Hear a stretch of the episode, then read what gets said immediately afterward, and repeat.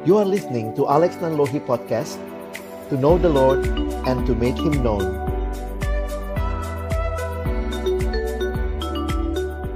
Dengan sebuah tema yang menurut gua pribadi ya cukup menarik lah. Siapa yang nggak menarik sih kalau ngomongin soal pasangan hidup? Kayak gitu. Tapi ini nggak jelas nih pasangan hidup atau bukan seperti itu. Nah tapi sebelum kita bahas sama-sama kita akan bersatu dalam doa terlebih dahulu ya berharap uh, semoga bukan saya gitu ya yang ngomong ya. Ini bukan acara sejam bersama saya kayak gitu. Jadi kita berdoa semoga pembicaranya berkenan uh, ngomong ya. Padahal udah ada pembicaranya. Yuk kita berdoa terlebih dahulu. Mari kita bersatu di dalam doa. Ya Bapak di surga, Tuhan kami Yesus Kristus, ya Tuhan kami ucap syukur dan terima kasih untuk stufel kami pada hari ini ya Tuhan. Tolong kami agar kami dapat melihat dengan tepat, dengan baik ya Tuhan, bagaimana seharusnya kami memposisikan diri kami ya Tuhan di dalam relasi, di dalam keluarga tubuh Kristus ya Tuhan. Biarlah kami dapat dengan tepat juga ya Tuhan mengasihi satu dengan yang lainnya, tanpa menyakiti ya Tuhan dan juga kami tahu apa yang harus kami perhatikan di dalam uh, kasih kami ya Tuhan ekspresi kasih kami terutama di dalam hubungan dengan laki-laki dan juga perempuan. Tolong kami ya Tuhan agar mengerti hal tersebut biarlah lewat talk show yang kami dengarkan pada hari ini kami dapat belajar dan akhirnya lewat relasi kami juga kami dapat memuliakan namamu ya Tuhan. Terpujilah namamu di dalam nama Tuhan kami Yesus Kristus kami berdoa dan mengucap syukur. Amin Ya kembali aku sapa teman-teman, selamat datang teman-teman di acara Stufel kita pada hari ini. Hari ini kita akan sama-sama belajar kayak gitu ya uh, tentang relasi. Nah cuman ini bentuknya talk show, jadi bukan bukan gua doang yang ngomong sendiri nih kayak gitu kayak podcast sendirian doang atau dengerin radio nggak seperti itu. Nah ada beberapa narasumber yang menurutku ini narasumbernya cukup menarik nih. Kenapa menarik? Nah, nanti gue jelaskan ya. Uh, karena narasumber ini ya kayak gitu dari yang muda sampai yang paling tua Nah, gitu tuh. Jadi kita ada nih lengkap nih, paket lengkap hari ini narasumbernya. Kalau di flyer cuma dua orang, kayak gitu, uh, Kak Evin dan Bang Alex. Nah, tapi ada narasumber yang lain yang nggak ditulis kayak gitu. Nah, aku panggil pertama kali ya narasumber yang paling muda. Nanti kalau waktu aku panggil, uh, nanti boleh open cam kayak gitu, terus juga boleh say hi kepada teman-teman. Yang pertama namanya adalah Audrey, kayak gitu, dari SMA N 58 boleh sapa terlebih dahulu Audrey ke teman-teman? Oke, shalom semuanya. Perkenalkan nama aku Audrey, aku dari SMA 58, sekarang kelas 12. Oke, thank you Audrey. Halo, selamat datang Audrey. Nah yang kedua nih kayak gitu, yang kedua ini uh, lebih tua lagi sedikit daripada Audrey. Nah ini kalau kalau dilihat nih muka-mukanya cocok nih jadi playboy nih kayak gitu. Nah ini ini koko koko nih koko koko kayak gitu. Nah ini ini dari UI datangnya koko koko ini. Coba uh, boleh open cam terus say hi juga kepada uh, adik-adik semua atau teman-teman kita Kak Nael. Perkenalkan diri Kak Nael. Hai hey, teman-teman. Ini parah banget ya Bang. Eros ya perkenalan deh aku Nael aku dari Fakultas Ekonomi dan di tahun terakhir. Halo Nael. Bener gak tuh? Kan mukanya doang. Kan belum tentu sikapnya kan? Atau perilakunya kan? Cocok ya mukanya ya? Oke berikutnya. Kayak gitu ya berikutnya uh, ini ini narasumber yang cukup menarik nih. Ini ini jago dan pakarnya nih, ahli nih. Ini ahli tarik ulur kayak gitu ya. Maksudnya tarik ulur layangan kayak gitu ya, bukan tarik ulur relasi kayak gitu. Namanya adalah Kak Evin. Kak Evin boleh on cam terus say hi kepada teman-teman semuanya. Halo teman-teman, salam kenal semuanya. Hai. Halo, kelihatan ya uh, suka tarik ulur layangan kayak gitu ya, kelihatan dari mukanya. Nah yang terakhir nih, nah ini yang paling senior kayak gitu. Nah ini kalau kita mau belajar, kalau kalian nggak percaya sama omongan yang lain-lain tadi, yang ini harus dipercaya kayak gitu karena udah nikah. Namanya adalah Bang Alex kayak gitu. Bang Alex boleh say hi kepada teman-teman semuanya. Halo teman-teman semua yang belum nikah, apa kabar? Bang itu itu ngejek atau gimana bang? Loh katanya. Bang, aku dulu ya bang, aku zoom. Oh gitu ya. Makanya mau ngasih tahu. ya ngasih tahu ya. Nah itu itu narasumber kita pada hari ini. Nah sama-sama kita akan belajar nih. Kita akan akan uh, ngomongin soal HTS kayak gitu. Tema hubungan tanpa status. Nah ini kayaknya sering banget ya terjadi di dalam kehidupan kita. Gak tahu ya kayak gitu. Kalau yang jomblo-jomblo mungkin nggak nggak nggak nggak atau yang nggak ada dibales chatnya mungkin nggak nggak berasa kali ya ada HTS HTSan ya. Tapi nggak tahu. Siapa tahu orang yang lain yang ngerasa. Tapi kita nggak ngerasa. Nah, menarik kan? HTS tuh kayak gitu tuh, kadang-kadang suka seperti itu. Nah, aku mau pertama-tama nanya dulu nih, kayak gitu ya, kepada Audrey nih.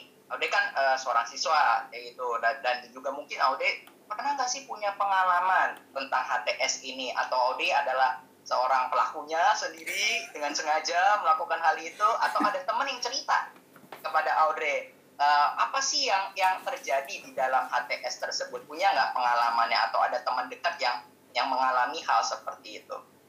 Gimana Dre? Uh, aku punya sih pengalaman sendiri. Jadi dulu aku ya punya pengalaman bukan tanpa status karena um, kenapa ya dibilang hubungan tanpa status? Karena kita ya masa dekat tapi gak ada statusnya gitu. Gak jelas kayak um, temenan tapi dibilang temenan tapi perhatiannya lebih dibilang pacaran tapi emang gak pacaran gitu. Jadi aku anggap ah ya itu adalah hubungan tanpa status gitu antara aku dan dia.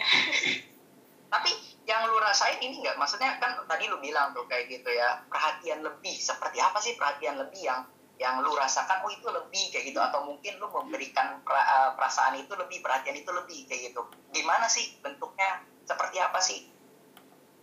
Um, kalau aku waktu itu ya ke dia yang nggak aku lakuin ke orang gitu. Tapi misalnya aku lakuin ke dia atau dia juga yang dia nggak kayak gitu ke orang kayak gitu kak. Masa tapi dia kayak gitu ke aku. Misalnya um, uh, apa ya intensitas ngechat gitu uh, chattingan. Misalkan aku uh, sama yang lain ya udah biasa aja gitu kan jarang.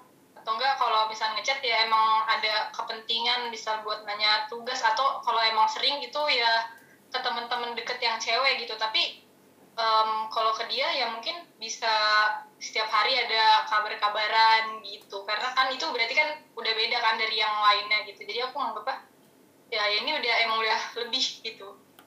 Oh berarti kamu sadar ya itu itu udah udah lebih seperti itu ya?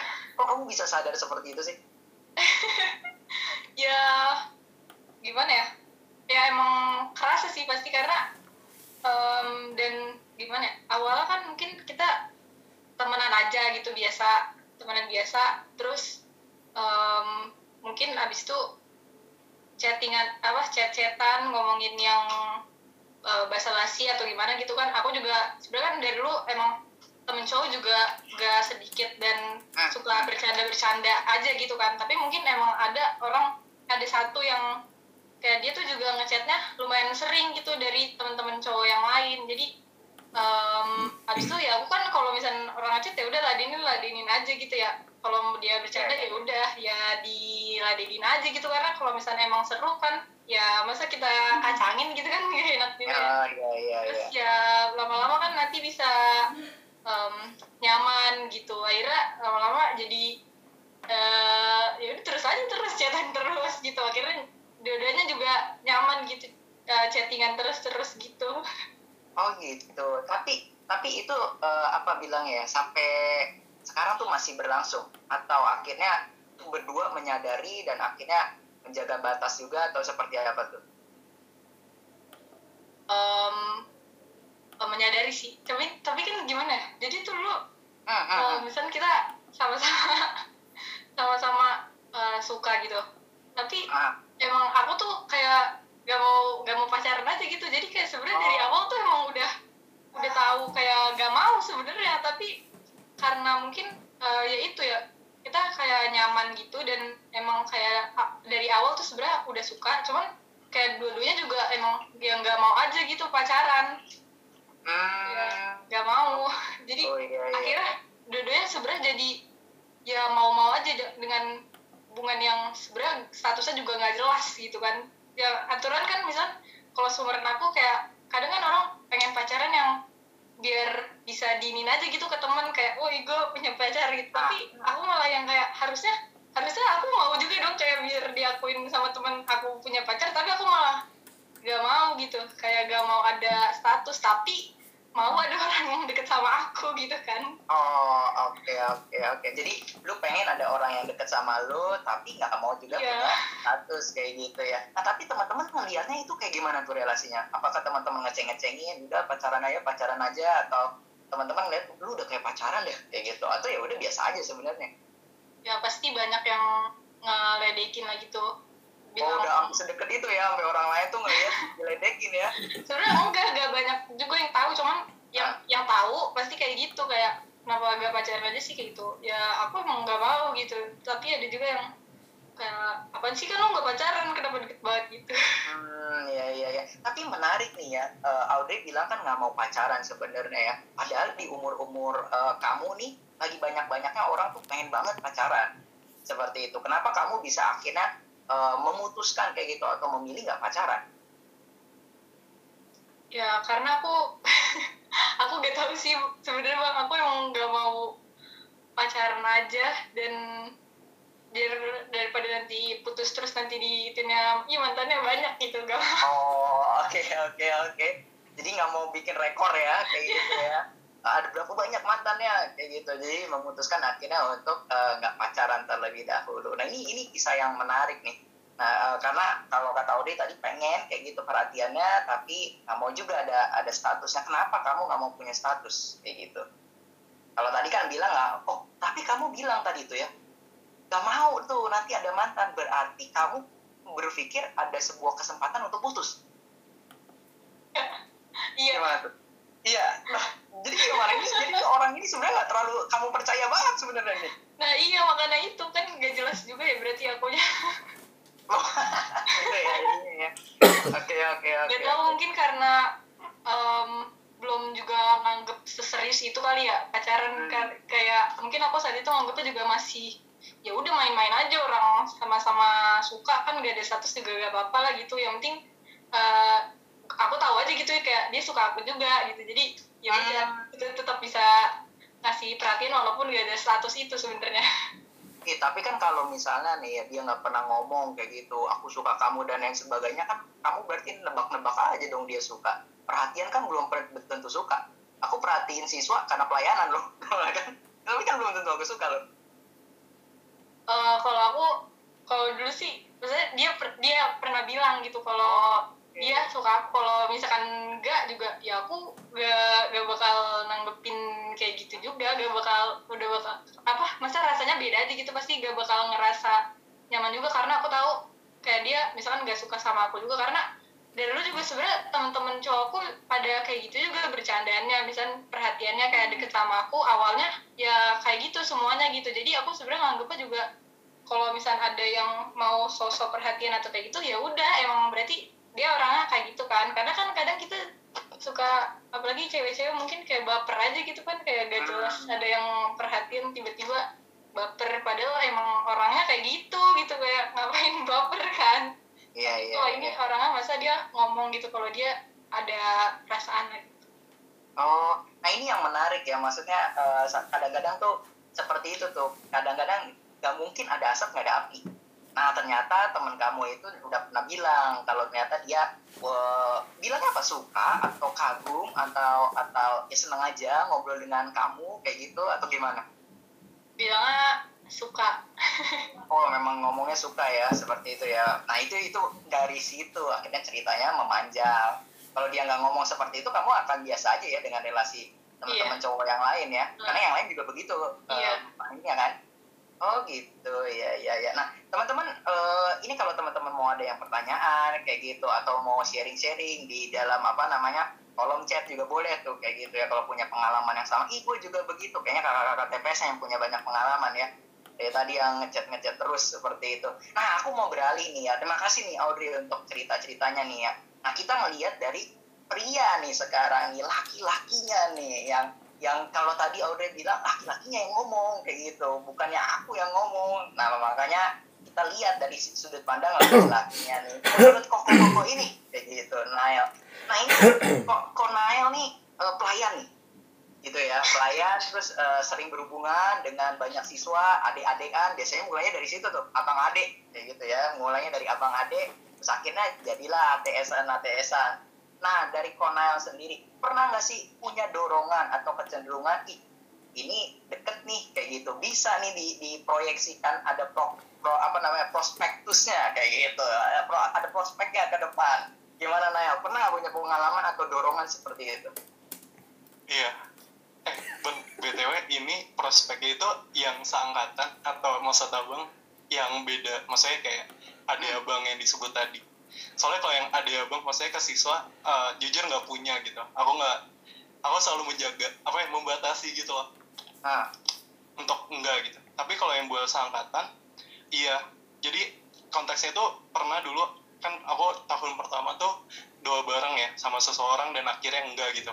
Dan hmm. emang itu kan sakit gitu kan. Sakit akhirnya kayak oh jadi ngerasa kayak butuh perhatian dan sebagainya gitu loh. Terus karena aku tipenya orang yang perhatian gampang terbuka dan mungkin gampang buat orang nyaman ya. Ada akhirnya dekat sama cewek dan itu cewek yang sangkatan gitu. Tapi ah. konteksnya aku tahu nih aku nggak bisa dua bareng eh nggak bisa dua bareng atau berkomitmen karena masih bergumul lah sama jawaban enggak yang kemarin gitu. Hmm. aduh bukan semua siap Jans.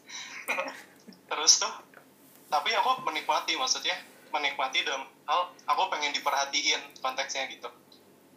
Ya udah akhirnya aku lupa siapa yang bilang suka gitu duluan. Tapi sama-sama bilang suka gitu. Akhirnya kami kayak pacaran tapi nggak pacaran. Kayak udah ber, udah ngomong kayak sayang suka dan sebagainya. Karena itu kan emang gimana ya, ekspresi perasaan kan. Dan ya karena aku orangnya jujur ya udah aku biasa ngomong kayak gitu. Tapi itu maksudnya udah ngomong sejauh itu gitu tanpa membatasi tapi nggak punya status. Itu sih mungkin. Terus apakah melakukan itu ada proyeksi atau enggak sebenarnya iya jadinya ada gitu. Ada uh, oh, oh ini orang ternyata terbuka gitu. Apakah dia bisa perhatiin aku dan sebagainya? Maksudnya akhirnya timbul ekspektasi yang membuat mendorong aku untuk memulai HTS juga gitu gitu sih bang. Oke oke. Nah tapi itu berakhirnya ke mana tuh sekarang? Berakhirnya sih akhirnya dia dideketin cowok lain. Oh, terus gitu. cowok lain yang melakukan membuat komitmen gitu sama dia gitu. Terus ya udah aku langsung menjauh gitu kan karena aku tahu sendiri.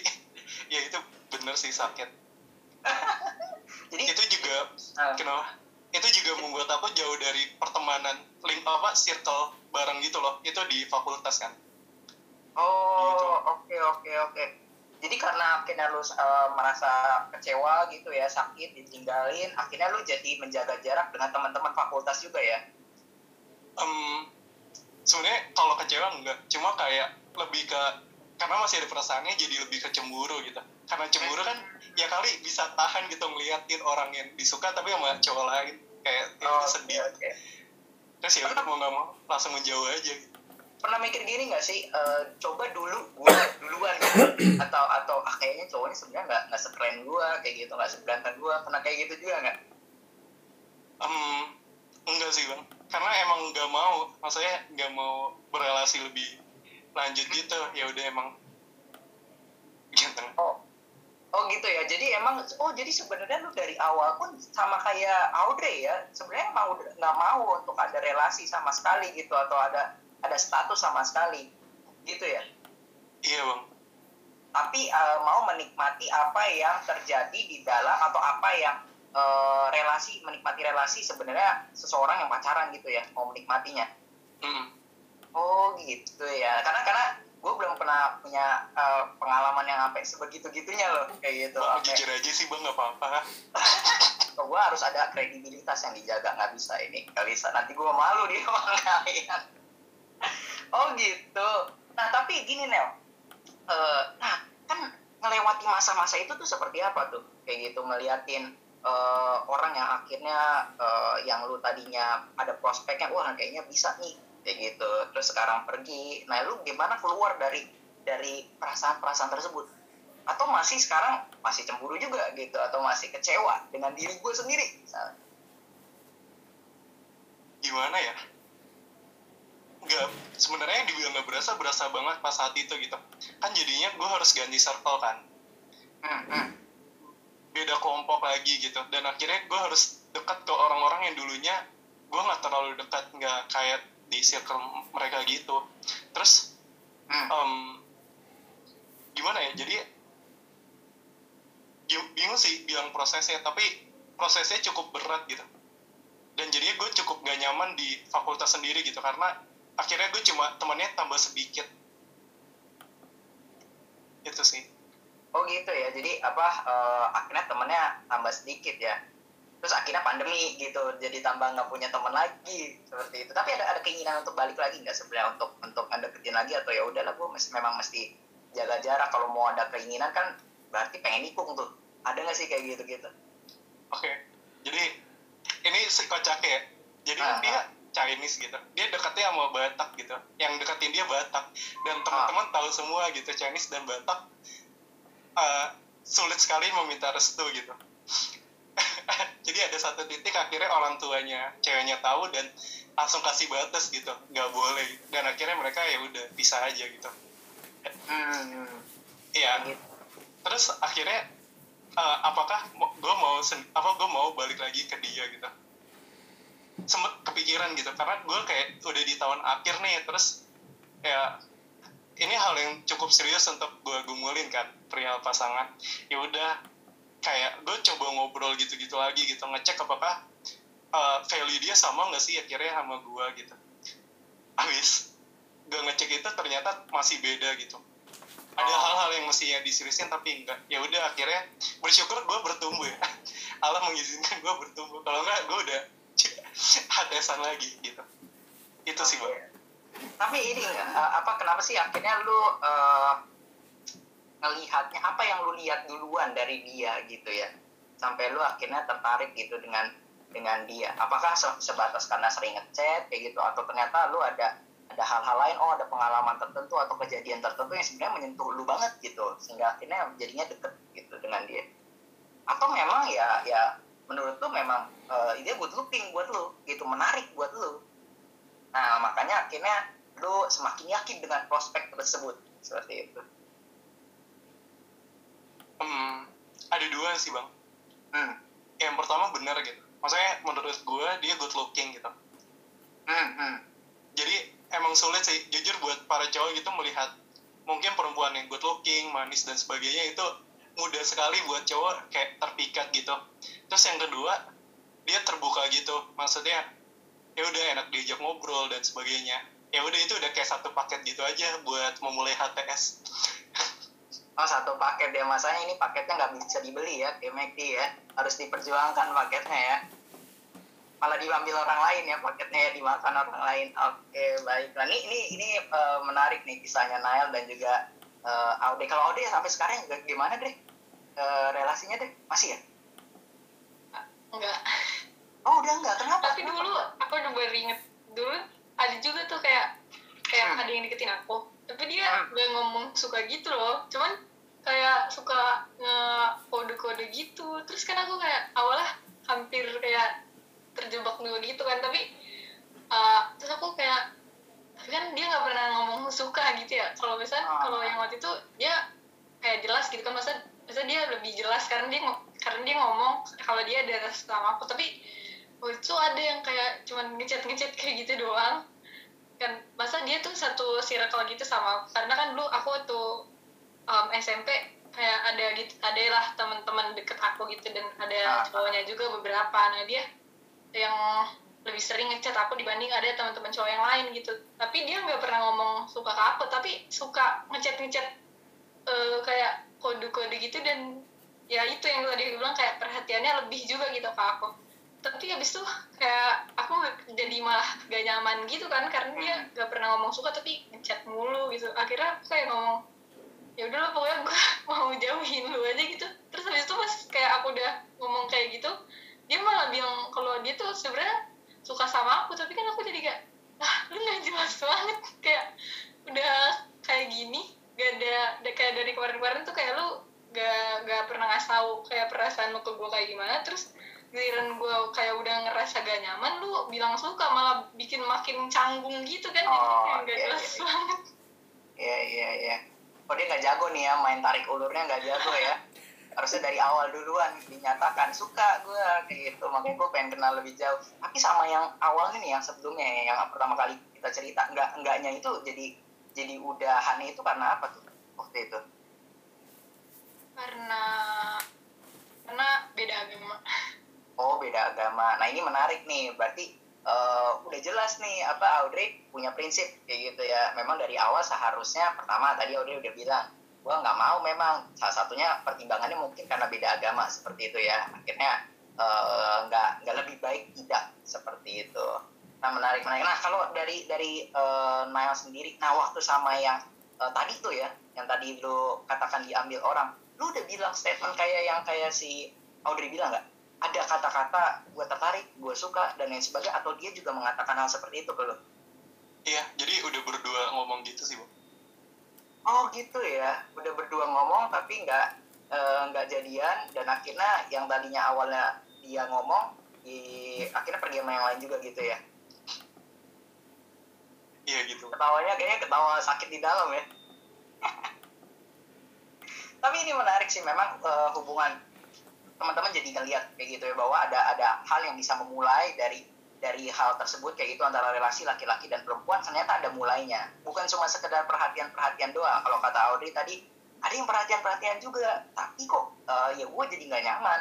Karena nggak jelas ini orang gimana. Nah tapi ada omongan gue tertarik. Kayak gitu gue suka. Ya nah gue gua mau sama lo dan lain sebagainya. Gue nyaman sama lo ada ada sebuah uh, perasaan itu yang diekspresikan dan dikomunikasikan. Dan akhirnya orang itu yang lain nangkep kayak ada sebuah konfirmasi dan akhirnya menjalankan relasi tanpa status. Nah, gue mau nanya nih sekarang ke kepada yang lebih berpengalaman, uh, Kak Evin kayak gitu. Nah, ini kan relasinya antara laki-laki dan perempuan ya, Kak Evin ya, relasinya antara laki-laki dan perempuan. Uh, gimana sih Kak Evin menurut Kak Evin sendiri, apakah laki-laki dan perempuan itu sebenarnya bisa sahabatan dekat tanpa ada rasa? Mungkin nggak? Itu pertanyaan one million dollars kayak gitu ya. Kalau orang selalu bilang seperti itu one million dollars pertanyaannya. Bisa nggak laki-laki dan perempuan sahabatan tanpa ada rasa? Ya terima kasih Ernest pertanyaannya. Uh, bisa nggak ya cewek dan cowok sahabatan pak tanpa ada rasa? Uh, teman-teman kalau ngomongin soal rasa gitu ya uh, aku rasa ya aku rasa gitu. Tidak ada relasi yang tidak menimbulkan rasa gitu hanya saja rasanya itu pasti beda-beda. Kenapa? Karena itu tergantung siapa orangnya, terus pengalaman apa sih yang kita habiskan bersama dia, atau bahkan penilaian kita terhadap orang itu akan mempengaruhi rasa itu. Let's say misalnya kamu ngelihat kucing di jalan, uh, terus kamu ngelihat kucing aja pasti timbul rasa gitu. Entah rasa kasihan, rasa gemes, atau mungkin rasa jijik, rasa suka gitu ya. Apalagi sama manusia. Terus kita bilang, uh, kita mau sahabatan sama dia, terus kita nggak ada rasa. Nggak mungkin, teman-teman kita pasti punya rasa. Nah, pertanyaannya, rasa seperti apa itu? Itu yang mesti kita kenali sebenarnya kan, teman-teman. Apalagi kita hidup uh, sebagai gambar dan rupa Kristus, artinya kita harus menghidupi kasih. Berarti mau nggak mau sebenarnya kita harusnya punya perasaan mengasihi sahabat kita dong. Nggak mungkin kita bilang kita bersahabat, tapi kita nggak punya rasa. Nah, emang aku nggak mengasihi kamu gitu? Pasti punya rasa mengasihi itu kan. Jadi menurutku ini juga penting uh, bahwa uh, ya memang kita pasti punya rasa gitu. Dan itu nggak boleh disangkali. Manusia punya rasa. Justru menurutku bahaya kalau kita bilang aku nggak punya rasa kak sama dia gitu. Uh, sebagai sahabat lah uh, situ manusia bukan gitu ya. Nah cuman waktu ngomongin aku mengasihi dia sebagai sahabat aku punya rasa kasih gitu ya. Dan waktu kita bersahabat sama seseorang teman-teman itu artinya kan kita suka sama dia. Dan mana kutip ada sesuatu yang bikin kita tertarik sama dia. Ada sesuatu yang bikin kita nyaman atau betah gitu nggak mungkin kamu bersahabat sama orang kalau tidak ada hal-hal uh, poin plus di orang itu yang bikin kita bertahan sama dia. Let's say misalnya gini, gue nggak tahu sih gue sahabatan atau enggak sama Ernest gitu ya teman-teman. Tapi dari SMA kami udah saling kenal lah gitu ya. Paling enggak waktu dari kelas 3 SMA udah saling tahu lah ya, terus KTP bareng segala macam. Gue nggak gue nggak gue nggak akan bilang kalau dia sahabat gue tidak. Uh, tapi paling enggak ada sesuatu yang Iya. Ini contohnya ya teman-teman. Nah, ada satu yang bikin kami tetap bisa berelasi sampai sekarang gitu ya dalam uh, bingkai. Kita nggak usah bilang bahwa oh ya kita punya uh, relasi lebih gitu ya itu pacaran. Enggak enggak begitu. Nah kenapa begitu? Karena memang ada hal yang ternyata oh masih nyambung nih gitu.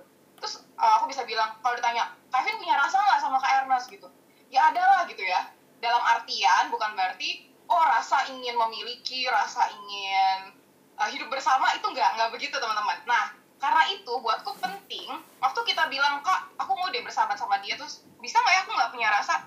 Terus ataupun kita punya ketertarikan nah kita perlu kenali sebenarnya ketertarikan kita atau rasa kita sama dia tuh sebenarnya perasaan kasih seperti apa sih? Karena menurutku teman-teman Alkitab aja kan juga ngajarin kita gitu ya. Kalau ada banyak kasih juga di dalam Alkitab kalau dalam bahasa aslinya kan ada beberapa kata kasih yang dipakai. Uh, aku nggak tahu cara pronounce-nya gimana paling nggak kan ada agape terus filia kemudian eros ada storge ya? Mesti dulu lupa pelajaran agama gitu. Guru agama macam apa ini lupa ya itu. Empat itu ya teman-teman. Nah kita kan perlu mengenali sebenarnya ini nih aku lagi punya rasa seperti apa sih gitu. Uh, nah buatku teman-teman itu penting untuk kita mengenali itu karena kalau kita jadi salah mengenali gitu ya dan tadi itu itu pasti akan berpengaruh sama tindakan kita juga. Nah waktu kita bilang kita mau bersahabat dengan seseorang dan menurutku kita juga butuh bersahabat punya teman uh, selain sesama jenis kenapa karena menurutku teman-teman uh, ketika kita punya sahabat atau teman yang beda lawan uh, beda jenis itu apa sih istilahnya yang lawan jenis gitu ya beda gender itu bisa menolong kita juga belajar hal-hal lain yang tidak ada di point of view kita di dalam gender kita gitu. Nah, biasanya kan kita punya perbedaan cara cara berpikir, cara bertindak dan sahabat kita ini yang bisa kasih point of view tertentu. Nah, terus mungkin ada yang bilang, "Kak, sahabat itu sebenarnya apa sih?" Nah, itu juga sebenarnya panjang kan. Uh, gimana kamu bisa bilang seseorang dia itu sahabatku gitu ya? Gimana aku bisa bilang apakah Ernest adalah sahabatku atau bukan gitu. Nah, aku juga nggak tahu sih teman-teman gitu ya. Ya intinya adalah yang aku tahu, oh iya kami temenan gitu ya terserah orang mau bilang dia sahabat lo atau bukan gitu atau orang tanya sahabatmu siapa kak nggak tahu lah gitu toh dalam bahasa ya, ya Inggrisnya sahabat atau teman tuh sama lah friend gitu ya mungkin sahabat lebih uh, lebih intens lebih dekat gitu ya nah karena itu teman-teman menurutku juga perlu buat kita uh, menyadari atau mengenali karakter-karakter apa juga sih di sahabat kita ini yang bikin kita akhirnya mau berrelasi sama dia, mau kasih waktu lebih, mungkin mau kasih telinga kita untuk dengerin dia gitu. Nah, waktu kita kenali itu uh, waktu kita berusaha mencari tahu juga sebenarnya bagaimana kondisi hatiku dan bagaimana sih pola relasi kami sebenarnya nah itu juga nantinya berpengaruh bahwa akhirnya nggak harus semua orang gitu ya yang dekat sama kita atau yang nyaman sama kita akhirnya kita katakan oh mereka punya eros ke kita atau aku punya eros ke dia eros tuh kasih ke lawan jenis ya teman-teman gitu uh, lebih ke romance gitu ya sexual desire gitu ya bang uh, ntar bang Alek lah ya siapa tahu firman Tuhannya lebih menjelaskan itu. Nah, bisa jadi memang itu adalah sebuah kasih atau hubungan yang sebenarnya ya itu kasih uh, istilahnya kasih filia gitu. Eh sorry, sorge ya. Kasih kepada sahabat gitu. Jadi bukan eh, kasih ya kasih filo, filo sesama. Ingat anaknya Bang Niko, filo. Uh, kasih kepada sesama dan itu berulang kali juga dikatakan kan di Alkitab gitu teman-teman. Bahkan Yesus sendiri pun waktu itu juga menangis uh, karena dia mengasihi waktu itu yang meninggal siapa Lazarus ya Lazarus Lazarus gitu nah kalau orang orang pikirannya udah salah gitu ya menangkap bagian perikop itu orang mungkin berpikir kata kasih yang dipakai di situ love him-nya itu oh apakah Yesus suka sama jenis? Padahal kan enggak gitu. Di situ tuh kasih filo kasih kepada sesama gitu. Nah sama juga dengan kita teman-teman. Uh, jangan cepat-cepat mengambil kesimpulan waktu kita bisa berteman dekat dengan seseorang kita punya nyambung nih atau oke okay nih buat berrelasi sama orang ini. Terus kita langsung cepat-cepat menyimpulkan bahwa oh sepertinya dia adalah orang yang tepat buat aku. Oh sepertinya kami ini memang ditakdirkan bersama. Nah itu teman-teman. Kalau dari aku paling uh, kalau ada pertanyaan mungkin gak sih kak? Sahabatan tanpa ada rasa nggak mungkin. Pasti ada rasa. Tapi kenali baik-baik perasaan itu karakter kita kenapa sih muncul perasaan-perasaan seperti itu? Termasuk teman-teman uh, kalau kemarin aku KTB gitu ya sama Kak Evelyn gitu sama satu kakak lagi Kak Evelyn dari JPJB adalah mengenali sebenarnya apa sih yang membentuk diriku gitu? Kemudian apa sih sebenarnya yang aku cari dalam dalam hidupku? Apa sih yang membuatku bahagia? Apa sih yang sebenarnya aku inginkan? Nah jangan-jangan gitu ya uh, ketika semuanya itu harusnya terlebih dahulu dijawab di dalam Tuhan atau kita puas di dalam Tuhan jangan-jangan orang yang muncul ini gitu ya dalam tanda kutip memberikan itu semua. Dan itu seolah-olah membuat kita jadi uh, merasa terikat sama orang ini, nah itu hati-hati gitu, karena itu bisa menggeser tempat Tuhan gitu, menggeser kebergantungan dan harapan kita kepada Tuhan kepada orang itu. Nah, jadi penting sekali mengenali diri dan perasaan kita. Sebenarnya aku kenapa gitu, atau kenapa sih aku kepada orang ini kok beda gitu? Uh, ketertarikannya. Gitu. Kalau dari aku sih seperti itu Bang Ernest.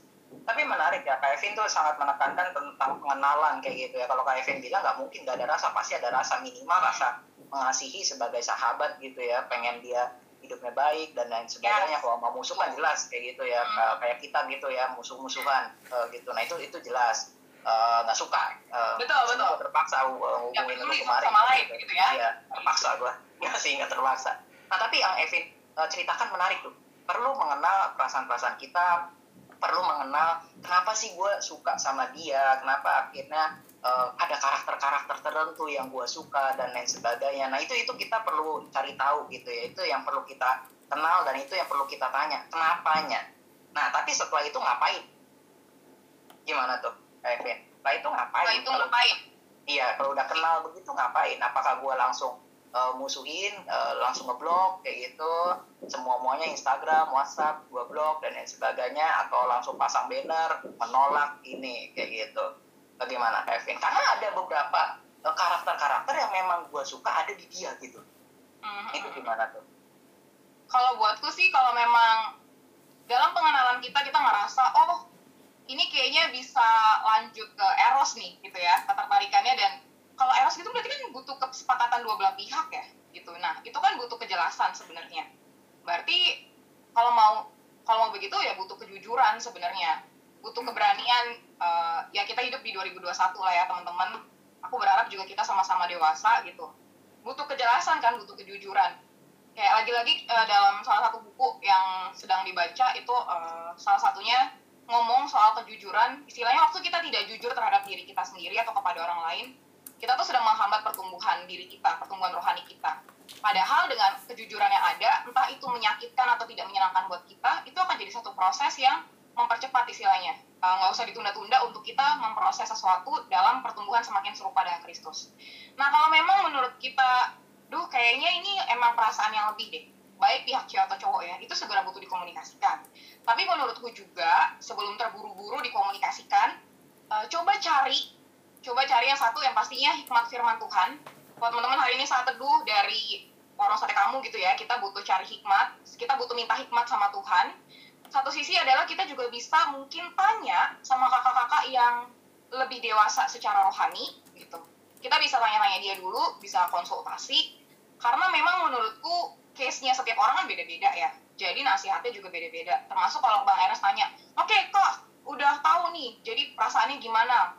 uh, sebenarnya aku kenapa gitu terus apa yang harus aku lakukan jangan langsung buru-buru ambil keputusan coba diskusikan dulu coba diskusikan dulu dengan kakak-kakak yang dewasa secara rohani karena menurutku dari situ nanti step by stepnya akan beda kepada setiap orang. Itu sih kalau dari aku bang Ernest tapi menurut uh, Kak Evin sendiri uh, misalnya nih ya kita SMA masih hmm. putih abu-abu nih. Hmm.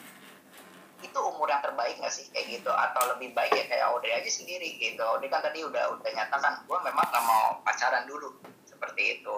Nah, idealnya gimana tuh kak? Karena gue udah udah yakin gue udah tanya kayak gitu. Uh, apakah langsung karena udah gue udah yakin udah tanya dianya juga mau kita lanjut. Oke okay. thank you bang Ernest pertanyaannya. Kalau terkait baiknya idealnya seperti apa teman-teman? Hmm, aku tidak punya satu jawaban yang pasti ya. Karena uh, baik dan ideal itu semuanya kan back to the Bible ya. Semuanya balik lagi ke Alkitab. Jadi pergumulan tiap orang bisa beda-beda. Memang kalau menurutku ya tadi kalau salah satu yang Audrey sudah sharingkan itu prinsip yang baik. Apalagi tadi waktu tahu oh ternyata temannya beda agama. Nah buatku itu salah satu langkah yang sangat bagus. Audrey belajar sangkal diri dan juga belajar taat sama firman untuk dari awal udah belajar tegas gitu ya eh, menolak hal itu. Nah tapi gimana kak kalau dia sama teman-teman Rockris kan kita di Rockris diajarin untuk hmm. saling mengasihi. Hmm. kita hmm. saudara dalam Kristus. Jadi tentu tidak bisa dihindari uh, perhatian-perhatian seperti itu kasih seperti itu segala macam apakah uh, bagaimanakah idealnya uh, teman-teman aku melihat pengalaman orang beda-beda gitu ada yang memutuskan di usia-usia seperti ini SMA berani mengambil komitmen untuk belajar bertanggung jawab terhadap sebuah relasi ada juga yang memutuskan oke okay, keberanianku adalah bertanggung jawab untuk uh, belajar berelasi dengan banyak orang dulu. Jadi tidak mengikatkan diri atau mengambil komitmen dengan kutip gitu ya, bukan komitmen di depan altar lah. Tapi belajar berkomitmen melalui suatu hubungan gitu. Nah jadi itu juga balik kepada uh, kedewasaan, kekedewasaan, kesiapan, termasuk pergumulan orang yang menurutku beda-beda. Jadi kalau ditanya idealnya seperti apa, uh, sebenarnya sih teman-teman idealnya adalah benar-benar gumulin dulu, doain dulu, uh, coba aja kakak yang lagi-lagi ajak kakak yang lebih dewasa secara rohani untuk sama-sama terlibat dalam pergumulan ini. Tapi kalau buat aku secara pribadi ya teman-teman kalau aku pribadi adalah buatku masa SMA itu adalah masa-masa yang sangat menyenangkan untuk kita bisa kenal dengan banyak orang berrelasi dengan banyak orang gitu. Dan ini masa-masa yang menyenangkan juga untuk um, belum membataskan diri dalam tanda kutip di dalam suatu hubungan atau relasi yang butuh komitmen juga gitu. Uh, jadi kenali sebanyak-banyaknya orang gitu ya. Terus uh, kenali juga diri kita dulu karena ya aku sadar sih ternyata perjalanan mengenali diri itu adalah proses yang panjang gitu dan termasuk proses mengenali perasaan-perasaan yang kita miliki. Jadi dalam waktu-waktu ini memang kalau misalnya kita memilih untuk tidak dulu mengambil komitmen untuk berpacaran gitu ya menurutku itu akan membuka juga pintu-pintu peluang untuk bisa kenal semakin banyak karakter dan pribadi sih. Itu pendapat personalku gitu ya. Jadi dan itu bisa berbeda lah kepada setiap orang. So we agree to disagree lah ya bang Ernest. Gitu. Oke okay, oke. okay. bang Ernest Nah, tapi menarik sih Kak, Kak Evin bilang setiap orang beda-beda gitu ya. Kalau misalnya yakin untuk pacaran ya boleh. Kalau nggak yakin ada yang mau akhirnya kenalan lebih banyak orang dulu biar pilihannya lebih banyak kayak gitu. Udah tahu oh ternyata gue maunya yang ini, yang seperti ini, karakternya ini. Nah oke okay, baru uh, akhirnya uh, melakukan uh, relasi pacaran tersebut. Nah memang uh, setiap orang beda-beda. Di dalam uh, grup ini juga begitu ya. Di dalam partisipan ini ada juga nih yang dari SMA pacaran dan akhirnya menikah. Itu ada juga. Namanya KOC tuh kayak gitu. Jadi itu dia berhasil tuh panjang tuh. Nggak pernah ganti-ganti. Sama itu itu aja nggak bosen cek. Sampai nikah gitu itu aja cek.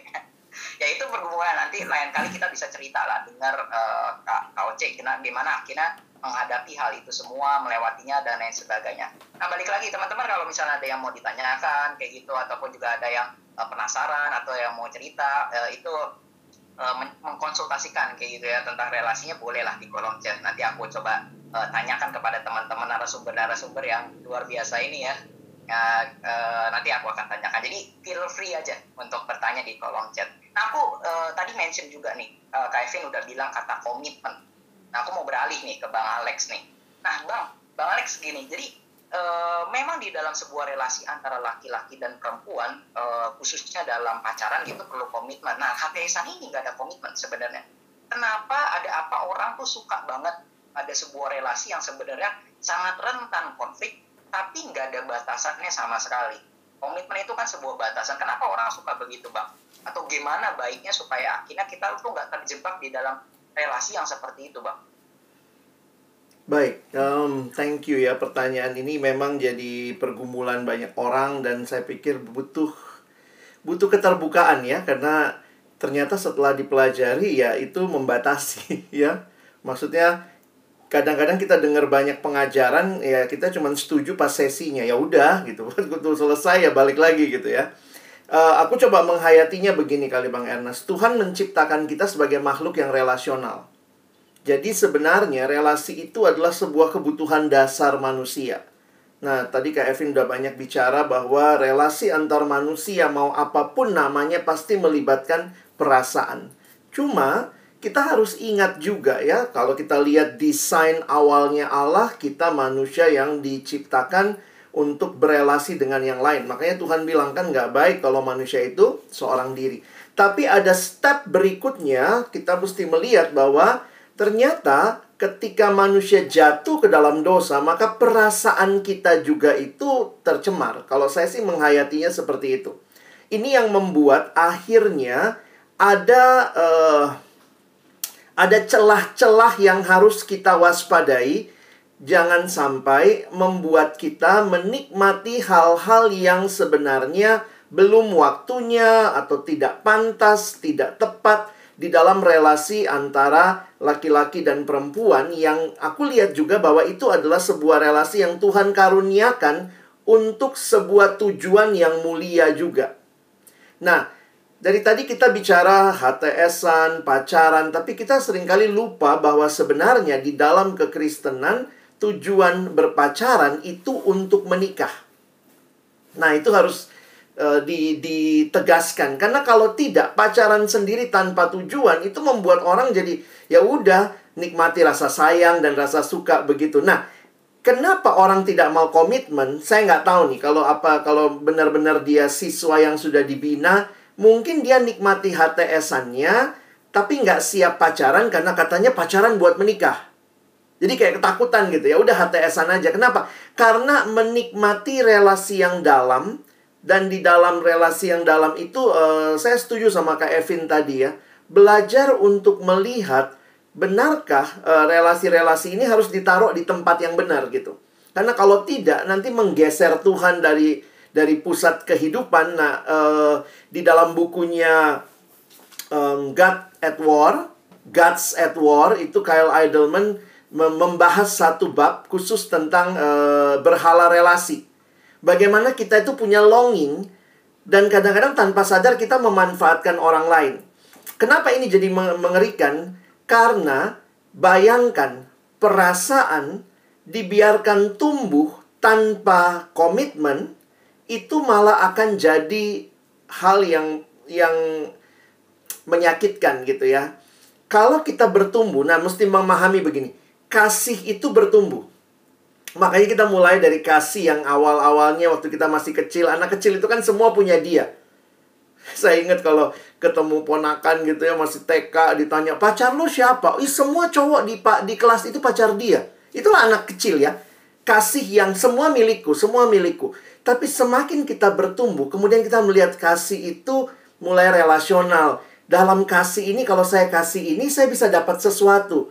Tapi nanti kalau kita bertumbuh lagi, kita melihat kasih Kristus, kita mulai belajar kasih yang unconditional.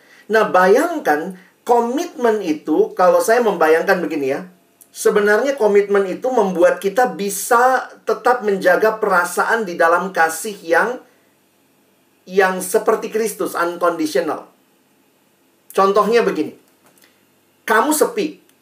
Nah, apa yang kamu lakukan? Ada dong yang temenin aku chatting. Nah, itu kan kadang-kadang HTSan tuh muncul dari situ.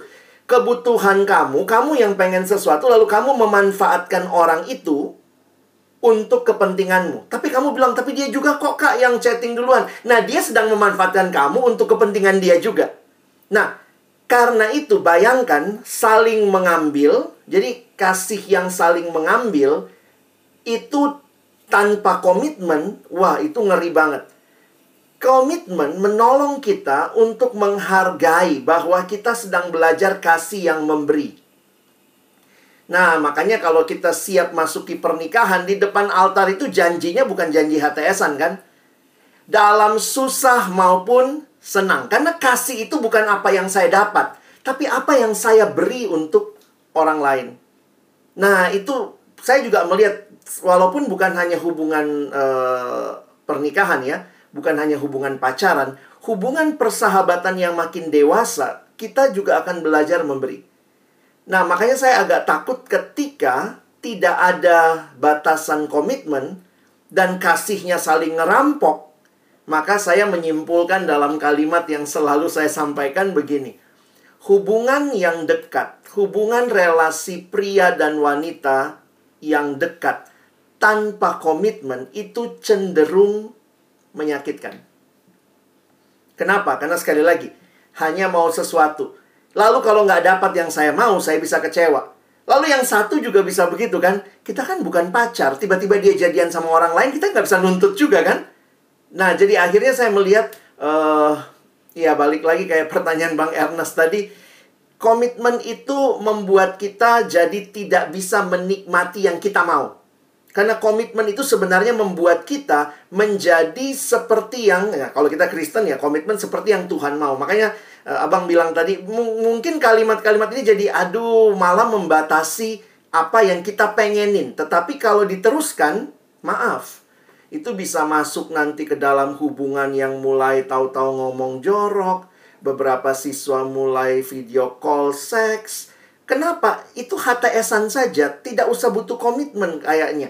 Tapi kalau komitmen, saya akan jaga dalam kekudusan pasangan saya. Saya tidak akan main-main gitu. Nah, jadi ini yang saya lihat perlu kita bingkai dengan benar. Kenapa komitmen itu penting? Hmm, hmm. Tapi ini ya apa? Uh, memang yang tadi bang Alex bilang ada banyak orang kenapa akhirnya nggak mau berkomitmen. Alasannya ada ada banyak dan lain sebagainya. Ada orang yang uh, bilang membatasi, ada orang yang bilang komitmen tuh terlalu bayar harga gitu. Kalau gua uh, komit ke satu orang ya satu orang doang, harganya yang lain yang lain kan kagak bisa gua nikmatin kayak gitu relasi dengan yang lain itu harga yang besar loh untuk untuk uh, dibayar dan lain sebagainya. Dan Bang Alex menyatakan juga kalau hubungan itu atau kasih itu bertumbuh. Nah pertanyaannya gini Bang, gimana akhirnya supaya kita hati-hati gitu atau sikap apa atau perilaku seperti apa atau atau tindakan apa supaya akhirnya kita bisa menjaga kasih itu tuh nggak bertumbuh yang aneh-aneh gitu, yang ke mana-mana gitu. Kalau secara sederhana, kalau kamu merasa juga belum bertumbuh banget dalam kasih, ya jangan berani memulai relasi yang yang istilahnya saya, saya melihat begini, persahabatan itu jadi cara Allah menumbuhkan juga kasih kita. Nah, sementara kalau yang tadi sudah masuk ke romance, ada nuansa erosnya kalau kata Kak Evin, itu kan sudah mulai kayak uh, lawan jenis, dia perhatiin dalam mulai bisa baperan, bisa apa, itu juga bisa terjadi dengan persahabatan biasa sih ya. Tapi poin saya adalah uh, itu tadi. Saya melihat soalnya gini teman-teman ya. Kalian adalah manusia, betul? Manusia yang melewati pertumbuhan. Dan pertumbuhan itu setiap tahap kalau secara psikologis nanti tanya yang belajar psikologi ya, siapa kata ya atau siapa ya. Ya, itu uh, setiap tahapan ada yang namanya tugas perkembangan.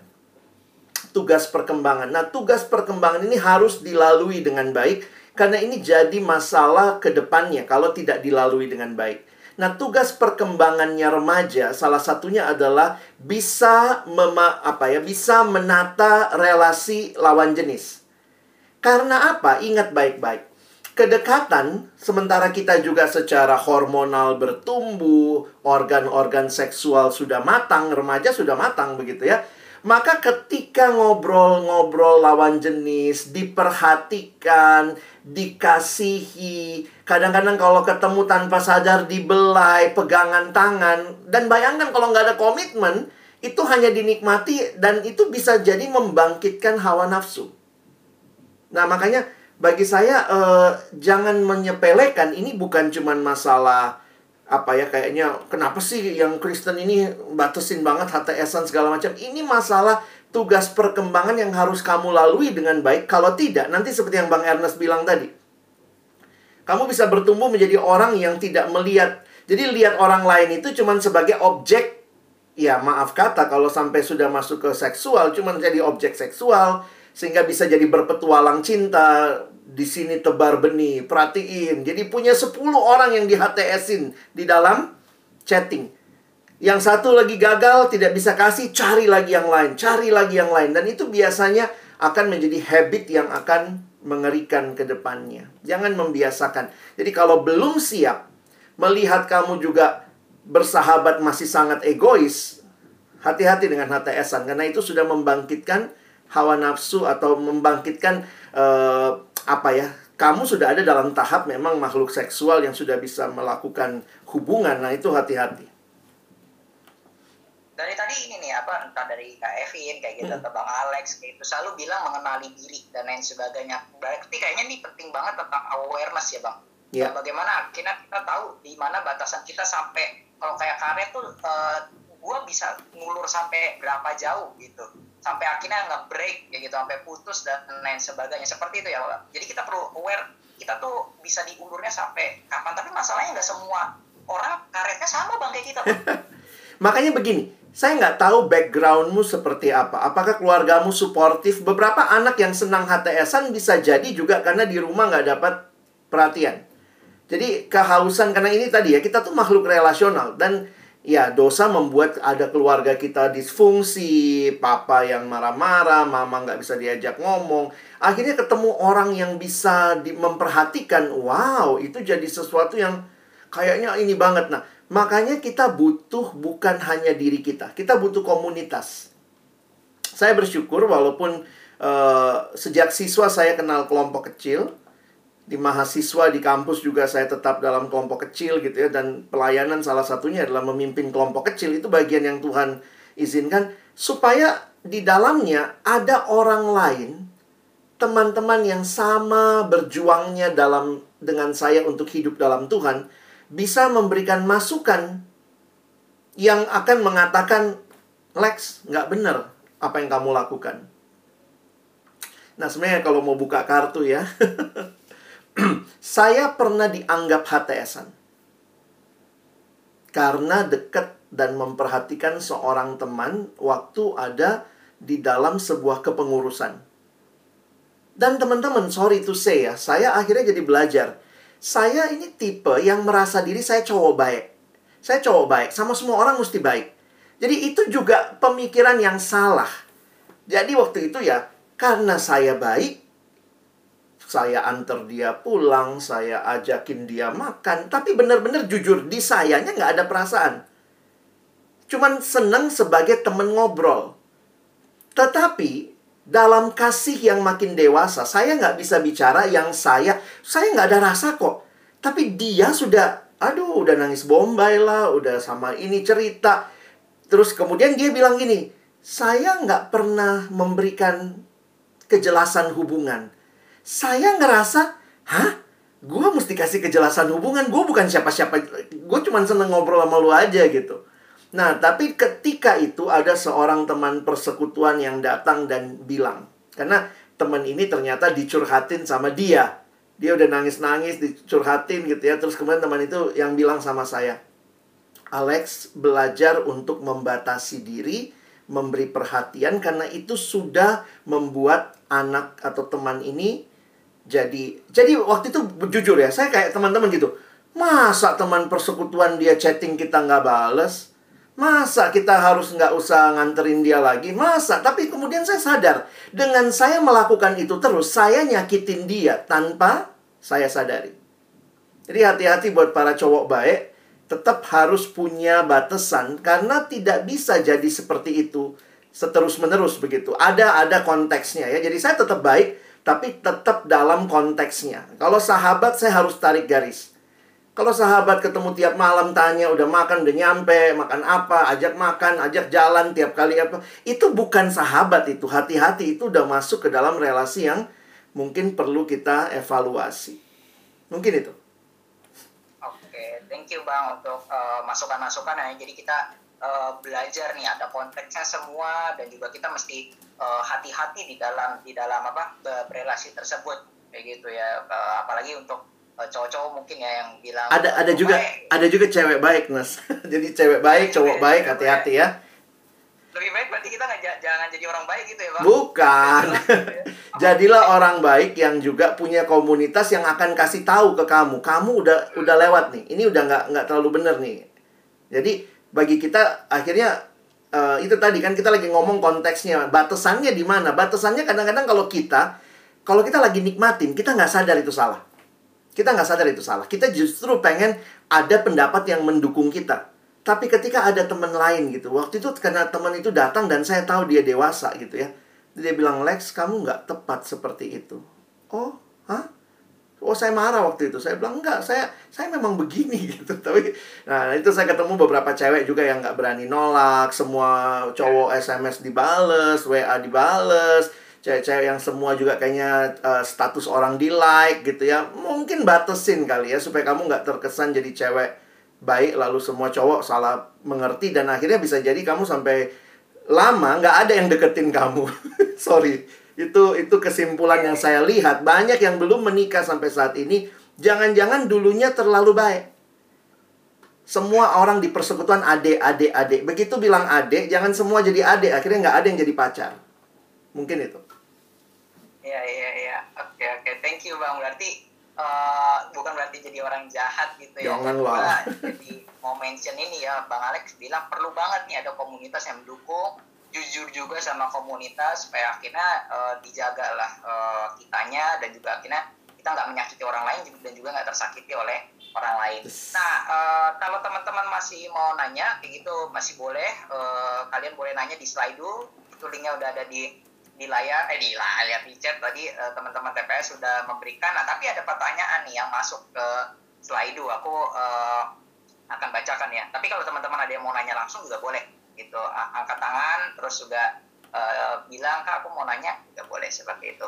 Ada pertanyaan aku nggak tahu dari siapa. Kak kalau kita udah sama-sama suka tapi sama-sama tahu kalau belum siap untuk relasi lebih apa yang harus dijaga batasannya supaya nggak jadi HTS ya kak? Nah aku minta uh, Kak Evin ya yang yang uh, jawab. Jadi udah sama-sama tahu suka kayak gitu udah tahu sama-sama belum siap ini gimana kelanjutannya? Mau dibawa ke mana hubungan kita? Nah ini gimana Via? Susah banget pertanyaannya ya ampun. Memang memang kompleks relasi laki-laki dan perempuan. Memang pasti susah sih. Ya susah sih memang. Apalagi kalau kita tahu sebenarnya ada boundaries-boundaries itu kan dalam bersahabat juga yang sebenarnya butuh kita uh, sadari juga. Karena itu sebenarnya juga membantu kita bertumbuh kan. Repotnya adalah kalau kita sadar misalnya atau kita bilang uh, kita sama-sama suka nih tapi kita sama-sama nggak mau berkomitmen atau sebentar. Oke okay, sorry ada yang lewat tadi. Tapi kita sama-sama nggak mau. Kita sadar nih misalnya ya kita waktu itu masih SMA dan kayak kayaknya nggak dulu deh gitu. Kita masih harus fokus uh, ngejar kuliah dulu mau kuliah di mana gitu. Ini les saya udah numpuk PR numpuk. Belum lagi nanti kalau kuliah ribet gitu ya. Jadi memutuskan seperti nggak dulu deh. Nggak dulu kalau untuk uh, berhasil lebih lanjut. Dan ternyata uh, ya kita udah saling memperhatikan. Pacarannya di ini tadi aku sedih banget. Oke okay, um, kemudian uh, ya itu ya istilahnya emang ya udah saling mengakui ya gue suka lo eh gue suka sama lo gue lo juga suka sama gue gitu ya. Terus gimana dong ke depannya? Ah sedih ya teman-teman. Ya itu sedih sih punya pengalaman seperti itu sebenarnya.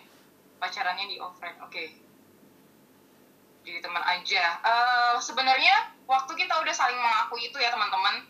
Terus kita sadar kita nggak bisa melanjutkan ini ke relasi yang lebih serius atau pacaran itu tadi mau tidak mau sebenarnya kita juga harus belajar menarik diri sih. Karena tadi yang juga bang Alex sudah jelasin uh, kalau diteruskan sama uh, kalau diteruskan uh, seperti itu terus ya sama aja gitu kita lagi HTSan karena gini misalnya apa sih yang membuat kita dalam artian harus menarik diri gitu bandaris-bandaris seperti apa sih? Misalnya gini loh kalaupun mau nonton apa iya masih nonton berdua gitu misalnya. Ini kan lagi pandemi tapi kak ya hello ada Netflix party gitu ya. Ya aku sama pacarku biasa Netflix party gitu di teleparty uh, berdua doang nontonnya gitu kalau sekarang kan nah, apakah harus cuma nonton berdua padahal bisa rame-rame misalnya gitu terus termasuk tadi soal chat-chat yang bang Alex bilang kalau sadar kalian nggak bisa pacaran saat ini ya sudah stop gitu uh, jangan lagi terus menumbuhkan benih-benih itu gitu karena itu tadi kita sendiri yang menyakiti diri kita, dianya juga tersakiti, sama-sama nggak enak gitu. Dan kitanya juga jadi nggak belajar sesuatu teman-teman. Kenapa? Karena kalau tadi ngelihat banderis-banderis sebenarnya yang perlu kita lakukan gitu ya. Sebenarnya banderis itu juga yang akan menolong kita bertumbuh. Kenapa? Karena kita akan belajar untuk uh, istilahnya considerate teman-teman mencoba untuk memikirkan juga hal-hal utama yang harusnya kita prioritaskan, hal-hal yang juga harusnya dia prioritaskan. Jadi kita sama-sama belajar lah dewasa gitu ya oke kita deal walaupun kita sama-sama punya perasaan sekarang bukan waktunya ya udah kita belajar dewasa kita belajar mengontrol diri kita kita belajar sangkal diri kita belajar mengorbankan hal-hal yang kita tahu ini belum jadi prioritas nih.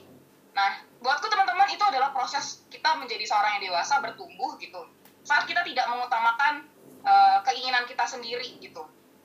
Kemudian uh, kita belajar juga akhirnya uh, menjalankan banderis-banderis itu teman-teman. Nah menurutku di situ juga adalah proses pembentukan karakter kita nah kalau misalnya dari sekarang aja kita udah belajar untuk bisa membatasi diri kita belajar kontrol keinginan kita itu gitu ya nggak harus dapat kok gitu istilah atau nggak harus sekarang gitu. Nantinya ke depannya teman-teman itu juga akan menolong kita waktu kita diperhadapkan dengan pilihan-pilihan yang juga menggoda kita kan bisa bilang oh enggak kok gitu. Itu bukan sesuatu yang harus aku dapatkan sekarang itu bukan sesuatu yang urgent untuk aku uh, nikmati saat ini gitu dalam artian gitu ya teman-teman salah satunya nanti godaan waktu misalnya kalian berpacaran gitu. Nah kan ada banyak sekali godaan tapi kalau dari sekarang kita udah belajar gitu ya. Know the boundaries set the boundaries dan kemudian kita menyangkal diri kita dan berusaha untuk mengontrol itu semua teman-teman ke depannya itu akan gampang banget buat kita gitu. Jadi menurutku waktu kita tahu kita sama-sama punya perasaan tapi kita tahu waktunya bukan sekarang berarti kita tahu boundariesnya apa nih sebagai sahabat sebagai teman gitu dan bagaimana juga supaya perasaan-perasaan itu tidak mengganggu relasi kita? Yang mau tidak mau harus ada batasan tarik diri dan itu nantinya juga jadi proses kita untuk semakin dewasa. Kalau dari aku gitu sih paling teman-teman. Oke. Okay.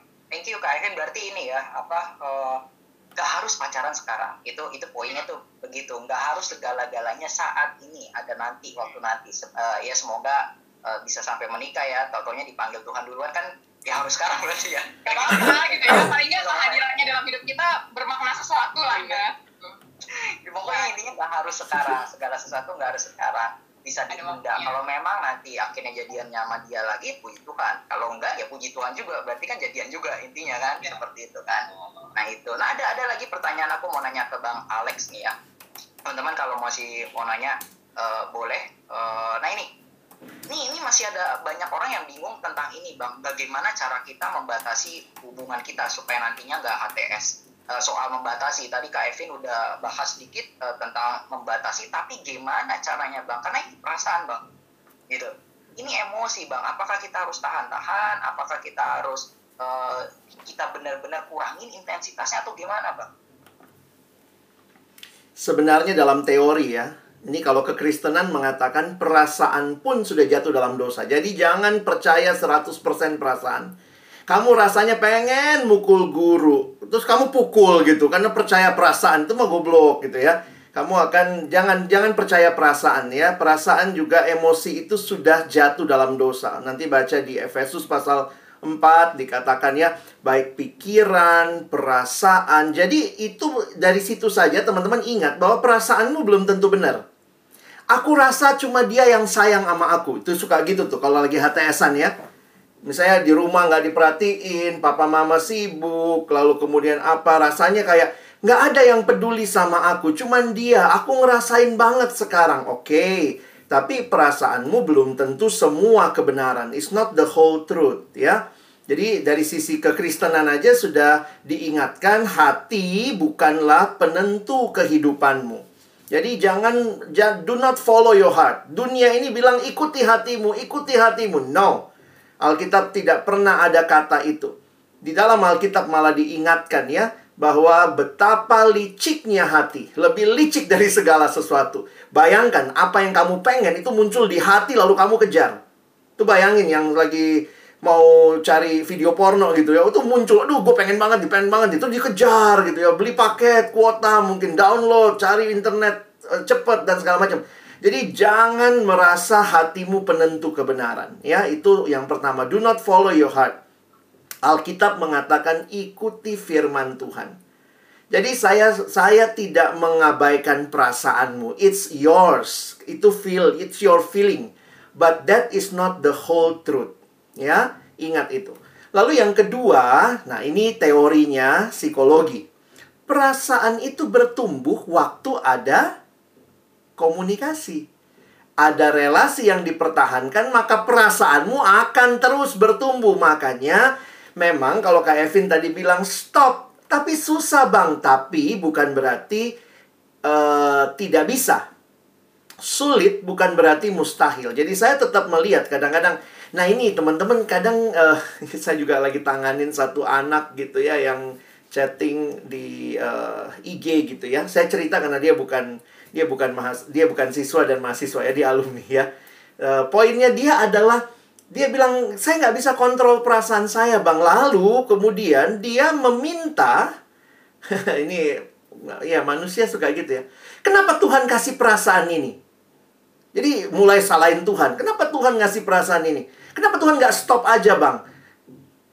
Terus kemudian uh, terakhir dia ini kenapa? Kenapa uh, kenapa dia nggak stop? Gitu. Jadi saya bilang gini kamu itu dari kemarin ngomongnya Tuhan ngomongnya orang itu. Jadi poinnya teman-teman ingat kamu tidak bisa kontrol orang lain. Kamu nggak bisa kontrol orang yang mau chatting ke kamu kan? Dia mau mau chatting mau apa jadi kemudian saya bilang sama dia cobalah deh abaikan chattingnya Iya sih bang, susah ya bang, tapi gimana ya bang? Ya sudah lah, ini masalahnya. Jadi kamu berharap dia nggak chatting, tapi kamu tetap misalnya nomor dia ada. Jadi saya bilang gini, kamu siap ngeblok dia? Enggak sih bang. Nah, kamu aja udah nggak siap ngeblok dia. Jadi berarti terus masuk pesannya. Iya sih bang, kebaca nggak? Iya sih bang, baca. Makanya aduh aku berat banget ini saya bilang dengan umur yang sudah begitu saya bilang kamu nggak bisa kelamaan begini deh cepat move on umur udah nambah gitu ya. Jadi ini sebenarnya seorang yang gagal menikah ya. Gagal menikah dan kemudian masih membangun hubungan dengan mantan yang meninggalkan dia gagal menikah. Buat apa begitu? Dan berharap orang itu nggak chatting. Saya bilang blok nomornya. Nggak tega, nanti saya dianggap, ya kamu pikirin anggapan orang. Nah, jadi poinnya begini teman-teman. Yang bisa menyakiti kamu, kontrolnya itu di kamu, bukan di orang lain. Sorry ya. Jadi kamu yang mesti, kalau kamu rasa, saya nggak masalah bang. Nggak usah blok nomornya, tapi kemudian notifnya saya matiin. Oke, nanti kalau lagi hati lagi aman, baca dikit. Ah, sudahlah. Tapi ada orang yang nggak bisa. Begitu masuk notifnya aja udah langsung aduh gue mesti buka nah kalau kayak gitu-gitu sampai Tuhan Yesus datang teman-teman akan tetap tersakiti karena kalian yang punya kontrol tidak mengambil kontrol itu. Nah ini yang tadi Kak Evin bilang ya boundariesnya apa? Karena setiap orang punya beda. Kemarin bawain juga tentang ini ya bagaimana siswa supaya pas online tidak kebablasan gitu ya. Saya bilang ya cobalah waktu uh, Zoom matiin notif. Tapi nggak enak bang, pengen lihat notif juga. Ya udah. Sehingga kemarin saya ajarin, ayo semua cari di HP-mu. Ada nggak matiin notif selama Zoom belajar di sekolah, matiin notif. Selama persekutuan matiin notif ya. Ini aja banyak yang chatting, kita kebaca terus kan. Apalagi kalau notif masuk. Notif masuk. Jadi kontrolnya itu bukan di orang lain, di kamu sendiri. Nah, jadi abang nggak bisa bilang feeling is everything. Makanya hati-hati. Ketika kamu terus berkomunikasi, perasaan tumbuh. Cabut aja dulu sebentar. Nah, nanti kalau udah cabut gitu ya, udah akhirnya makin nggak ada komunikasi, itu juga pelan-pelan akan menolong kamu. Mungkin gitu kali Bang Ernest. Oke, okay, thank you Bang. Ini pertanyaan uh, terakhir ya teman-teman sebelum akhirnya teman-teman yang tadi udah bicara Mael, Audrey, Kevin, Bang Alex juga uh, akan kasih kalimat penutup ya uh, untuk kita pesan terakhir uh, buat kita. Nah tapi ini aku mau nanya satu hal terakhir nih uh, sama Bang Alex nih kayaknya kasus nih. Kalau kita punya HTS tapi udah kayak pacaran, cuma nggak ada status dan nggak ada komitmen. Namun aku nggak boleh dekat sama cowok lain. Berarti cewek nih yang ngomong kayak gitu. Sampai dia posesif banget. Gimana bang? ya bahasa bahasa gaulnya sih bodoh ya. Sorry, saya saya kadang-kadang harus ngomong kasar dan eh, bukan kasar, ngomong keras untuk hal seperti ini karena ketika kita terbelenggu dengan sesuatu, kita kadang-kadang nggak jalan rasionalitasnya. Jadi saya berpikir teman-teman jangan seperti itu. Karena apa? Kamu sedang dimanfaatkan. Itu bukan kasih yang dewasa ingin memiliki tapi nggak berani komitmen. Itu namanya pengecut. Lalu kemudian pengecut itu lakukan, ada juga yang menyambut ke pengecutannya. Merasa kayak, uh, I am a princess ya, lihat tuh. Aku tuh kayaknya, kadang-kadang kita nggak suka posesifnya, tapi kita seneng loh dijadiin seseorang yang segalanya buat dia. Jadi kadang-kadang itu juga yang kita, nah balik lagi kan, kamu tidak bisa mengubah dia yang posesif. Kamu bisa menarik batas untuk dirimu. Nah, jadi teman-teman yang hal-hal seperti itu saya makin ngerti loh kenapa misalnya di beberapa pemahaman tertentu khususnya juga agama tertentu mereka bahkan melihat tidak perlu hubungan bahkan langsung jodohin aja merit gitu ya. Karena melihat memang perasaan itu kalau nggak dibingkai dengan kebaikan dan kebenaran itu akan jadi liar sekali. Atas nama perasaan, atas nama sayang, atas nama ini kamu milikku padahal tidak ada komitmen apa-apa. Jadi uh, teman-teman yang lagi dalam kasus seperti itu uh, saya dulu agak ini ya agak lembut lah ya teman belakangan karena saya lihat udah banyak banget yang disakitin gara-gara seperti itu. Dan itu memang relasi-relasi yang sebaiknya teman-teman harus mulai batasi bertumbuhlah dalam kebenaran dan karena itu kamu akan menerima orang yang bisa komitmen dan kalau kamu juga menjadi orang yang siap memulai relasi, kamu juga harus berani komitmen. Komitmennya apa? Kadang-kadang ada yang mikir, dari tadi apa ngomong komitmen, komitmennya apa? Komitmennya adalah kalau kita Kristen yang dewasa, kita akan berkomitmen bahwa tujuannya untuk pernikahan. Jadi apa yang mesti dikomitmenkan kalau siap menjalani pacaran? Tujuannya pernikahan. Bang, tapi kami cuma mau kenalan. Jadi sahabat. Emang kalau kenalan harus pacaran? Tapi maunya deket banget. Ya udah siap merit. Jadi bagi saya tetap harus jelas. Karena pernikahannya kudus. maka pacaran komitmennya juga kudus. Di dalam pacaran kita mengenal pasangan kita. Di dalam pacaran kita bertumbuh dalam kasih. Sekarang mulai belajar menjadi orang yang memberi, bukan hanya mengambil. Kalau dia tidak chatting duluan, itu biasanya gitu kan. Kalau kalau relasi cuma perasaan, dia nggak chatting, hmm, gue bales deh. Lu rasa kan nggak di chatting dua hari, lu rasa kan. Jadi akhirnya bukannya memberi, tetapi menuntut. Dan itu yang bagi saya uh, kalau kita biasakan seperti itu, apalagi kalian orang-orang muda, hati-hati nanti itu akan jadi uh, ya itu nyakitin diri sih Bang Ernest ya. Saya udah lihat soalnya beberapa yang kayak begitu tiba-tiba ditinggal merit, ditinggal orang itu suka sama yang lain. Terus saya bilang, tapi aku sakit banget kak. Saya bilang, kalian pacaran? Enggak sih kak. Ya kenapa sekarang nangis-nangis? Tapi kita udah deket banget. Dia bilang, aku segalanya. Hmm, aku segalanya ini nih segalanya nih kayak begini nih sekarang gitu ya aduh itu kalau udah nangis-nangis kadang-kadang sedih sih liatnya ya tapi saya pikir jangan sampai kita juga terjebak dalam hal-hal seperti itu oke thank you bang jadi kita mesti tegas ya di dalam uh, relasi seperti itu. Nah ini terakhir ya kayak gitu. Aku mau minta teman-teman Audrey Nael, Evin dan juga Bang Alex ada nggak kira-kira pesan apa yang mau disampaikan terakhir untuk kita? Baik dari yang uh, tadi Bang Alex dan juga Evin yang udah banyak masih prinsip-prinsip kayak gitu. Audrey dan juga Nael yang pernah mengalaminya sendiri kayak gitu. Jadi ada pelajaran yang bisa dipetik dan diambil buat kita. Gimana Audrey dan Nael? Aku minta Audrey dulu deh. Um, kalau dari aku ya buat yang lain kalau aku sih udah sangat udah menyarankan untuk um, melakukan apa HTS ini karena ya bener sih kayak yang tadi dibahas emang bakalan nyakitin diri sendiri juga karena um, kan gak ada gak ada status gitu ya. Tapi kadang kita aja gitu sendiri yang kayak um, kan gue punya lu. Padahal kayak kayaknya mungkin dia nggak gitu juga gitu sebenarnya. Tapi kalau misalkan dia nanti kayak um, sama yang lain kita kita yang ngerasa sakit sendiri gitu kan. Padahal kan emang dari awal ya bukan siapa-siapanya gitu cuman teman doang gitu. Jadi kalau menurut aku sih um, gak usah. Karena kalau misalkan nanti dia kayak gitu juga atau misal nanti masa kayak gimana gak bareng lagi gitu uh, apalagi sebagai siswa ya bisa bikin gak fokus gitu sih ke pelajaran. Apalagi misalnya nanti deket sama teman satu sekolah atau teman sekelas kan pasti bakal ke apa keganggu banget gitu kan. Iya iya iya. Oke okay, thank you Audrey. Sarannya lebih baik jangan karena nanti akhirnya pada berembet ke entah studi kita entah pertemanan sosial kita dan rusak ke mana-mana. Kalau Nail gimana Nail kalau dari aku untuk relasi ini. Maksudnya untuk perasaan itu sangat sulit ditahan kan teman-teman. Jadi aku sangat menyarankan teman-teman punya uh, kakak yang lebih rohani atau teman dekat yang benar-benar bisa memberikan pendapat yang baik dan bisa mengasihi teman-teman dengan baik juga gitu sebelum memulai.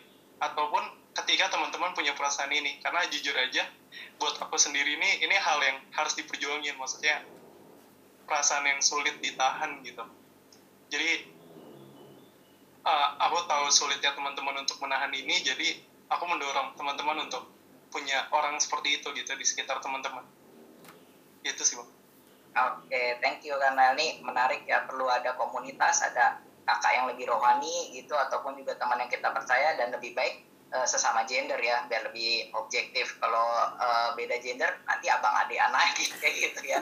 Kalau beda gender malah kejebak juga thank you Nael kalau Kevin ada pesan Kevin uh, kalau aku paling tadi ya kita udah bahas juga bahwa memang kita diciptakan sebagai makhluk sosial, kita butuh berelasi, tapi kita juga jatuh dalam dosa, sehingga relasi itu juga ya bisa tidak utuh lah dari apa yang awal Allah ciptakan. Tapi memang Tuhan kan mau kita berelasi juga dengan dia, dan relasi kita pun seharusnya memuliakan Allah dan bisa Tuhan pakai untuk memuliakan namanya juga. Jadi jangan sampai relasi yang kita bangun justru itu tidak jadi berkat, apalagi itu menyakiti diri kita atau menyakiti orang lain, karena itu sebelum kita memutuskan juga untuk ambil komitmen dengan orang lain, pastikan juga kita berani berkomitmen untuk taat sama firman Tuhan, memberikan diri kita sepenuhnya dan hati kita untuk terus terpaut kepada Tuhan, sehingga kira nanti juga waktu pada saat yang tepat kita berani mengambil komitmen itu, nama Tuhan dimuliakan melalui relasi yang kita bangun. Itu sih Bang Ernest. Oke, okay, thank you Kak Evin. Penting banget sebelum menyerahkan diri kepada orang lain, pertama-tama menyerahkan diri terlebih dahulu kepada Tuhan. Thank you Kak Evin. Yang terakhir Bang Alex. Iya, ini hidup hidup itu cuma satu kali, berarti masa siswa, masa remaja, masa mahasiswa juga cuma satu kali.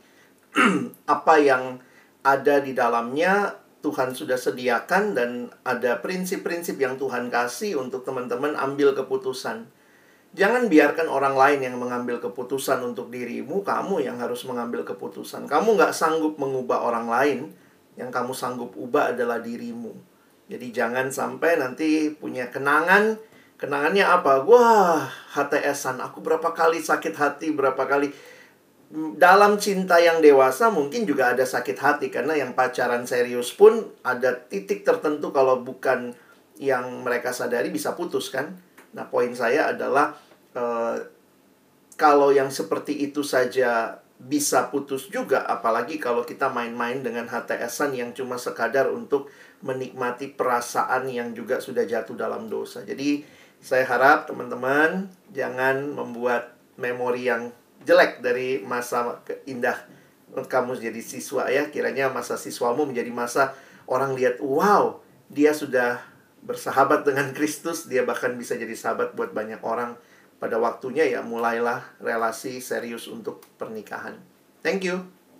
Oke, okay, thank you Bang Alex. Hidup cuma sekali ya. Yang dikoleksi itu kenangan-kenangan indah, jangan kenangan-kenangan pahit yang dikoleksi. Seperti itu ya. Biar nanti kalau di akhir hidup tuh yang diingat tuh yang enak-enak, jangan yang pahit-pahit gitu.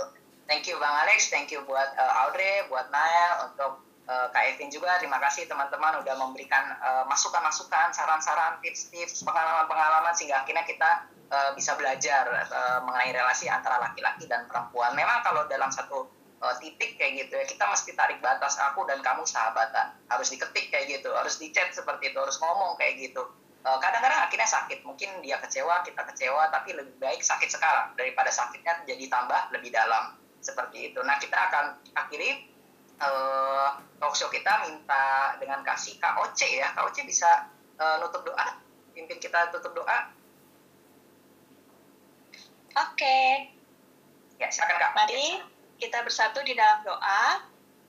Ya Bapak yang baik, terima kasih atas kasih setiamu bagi Stufal hari ini. Kami sungguh bersyukur ya Tuhan melihat salah satu fenomena di dunia siswa, bahkan di dunia remaja secara umum kami melihat bahwa HTS, hubungan tanpa status, ataupun relasi-relasi uh, yang sejenisnya begitu uh, marak di tengah-tengah zaman ini.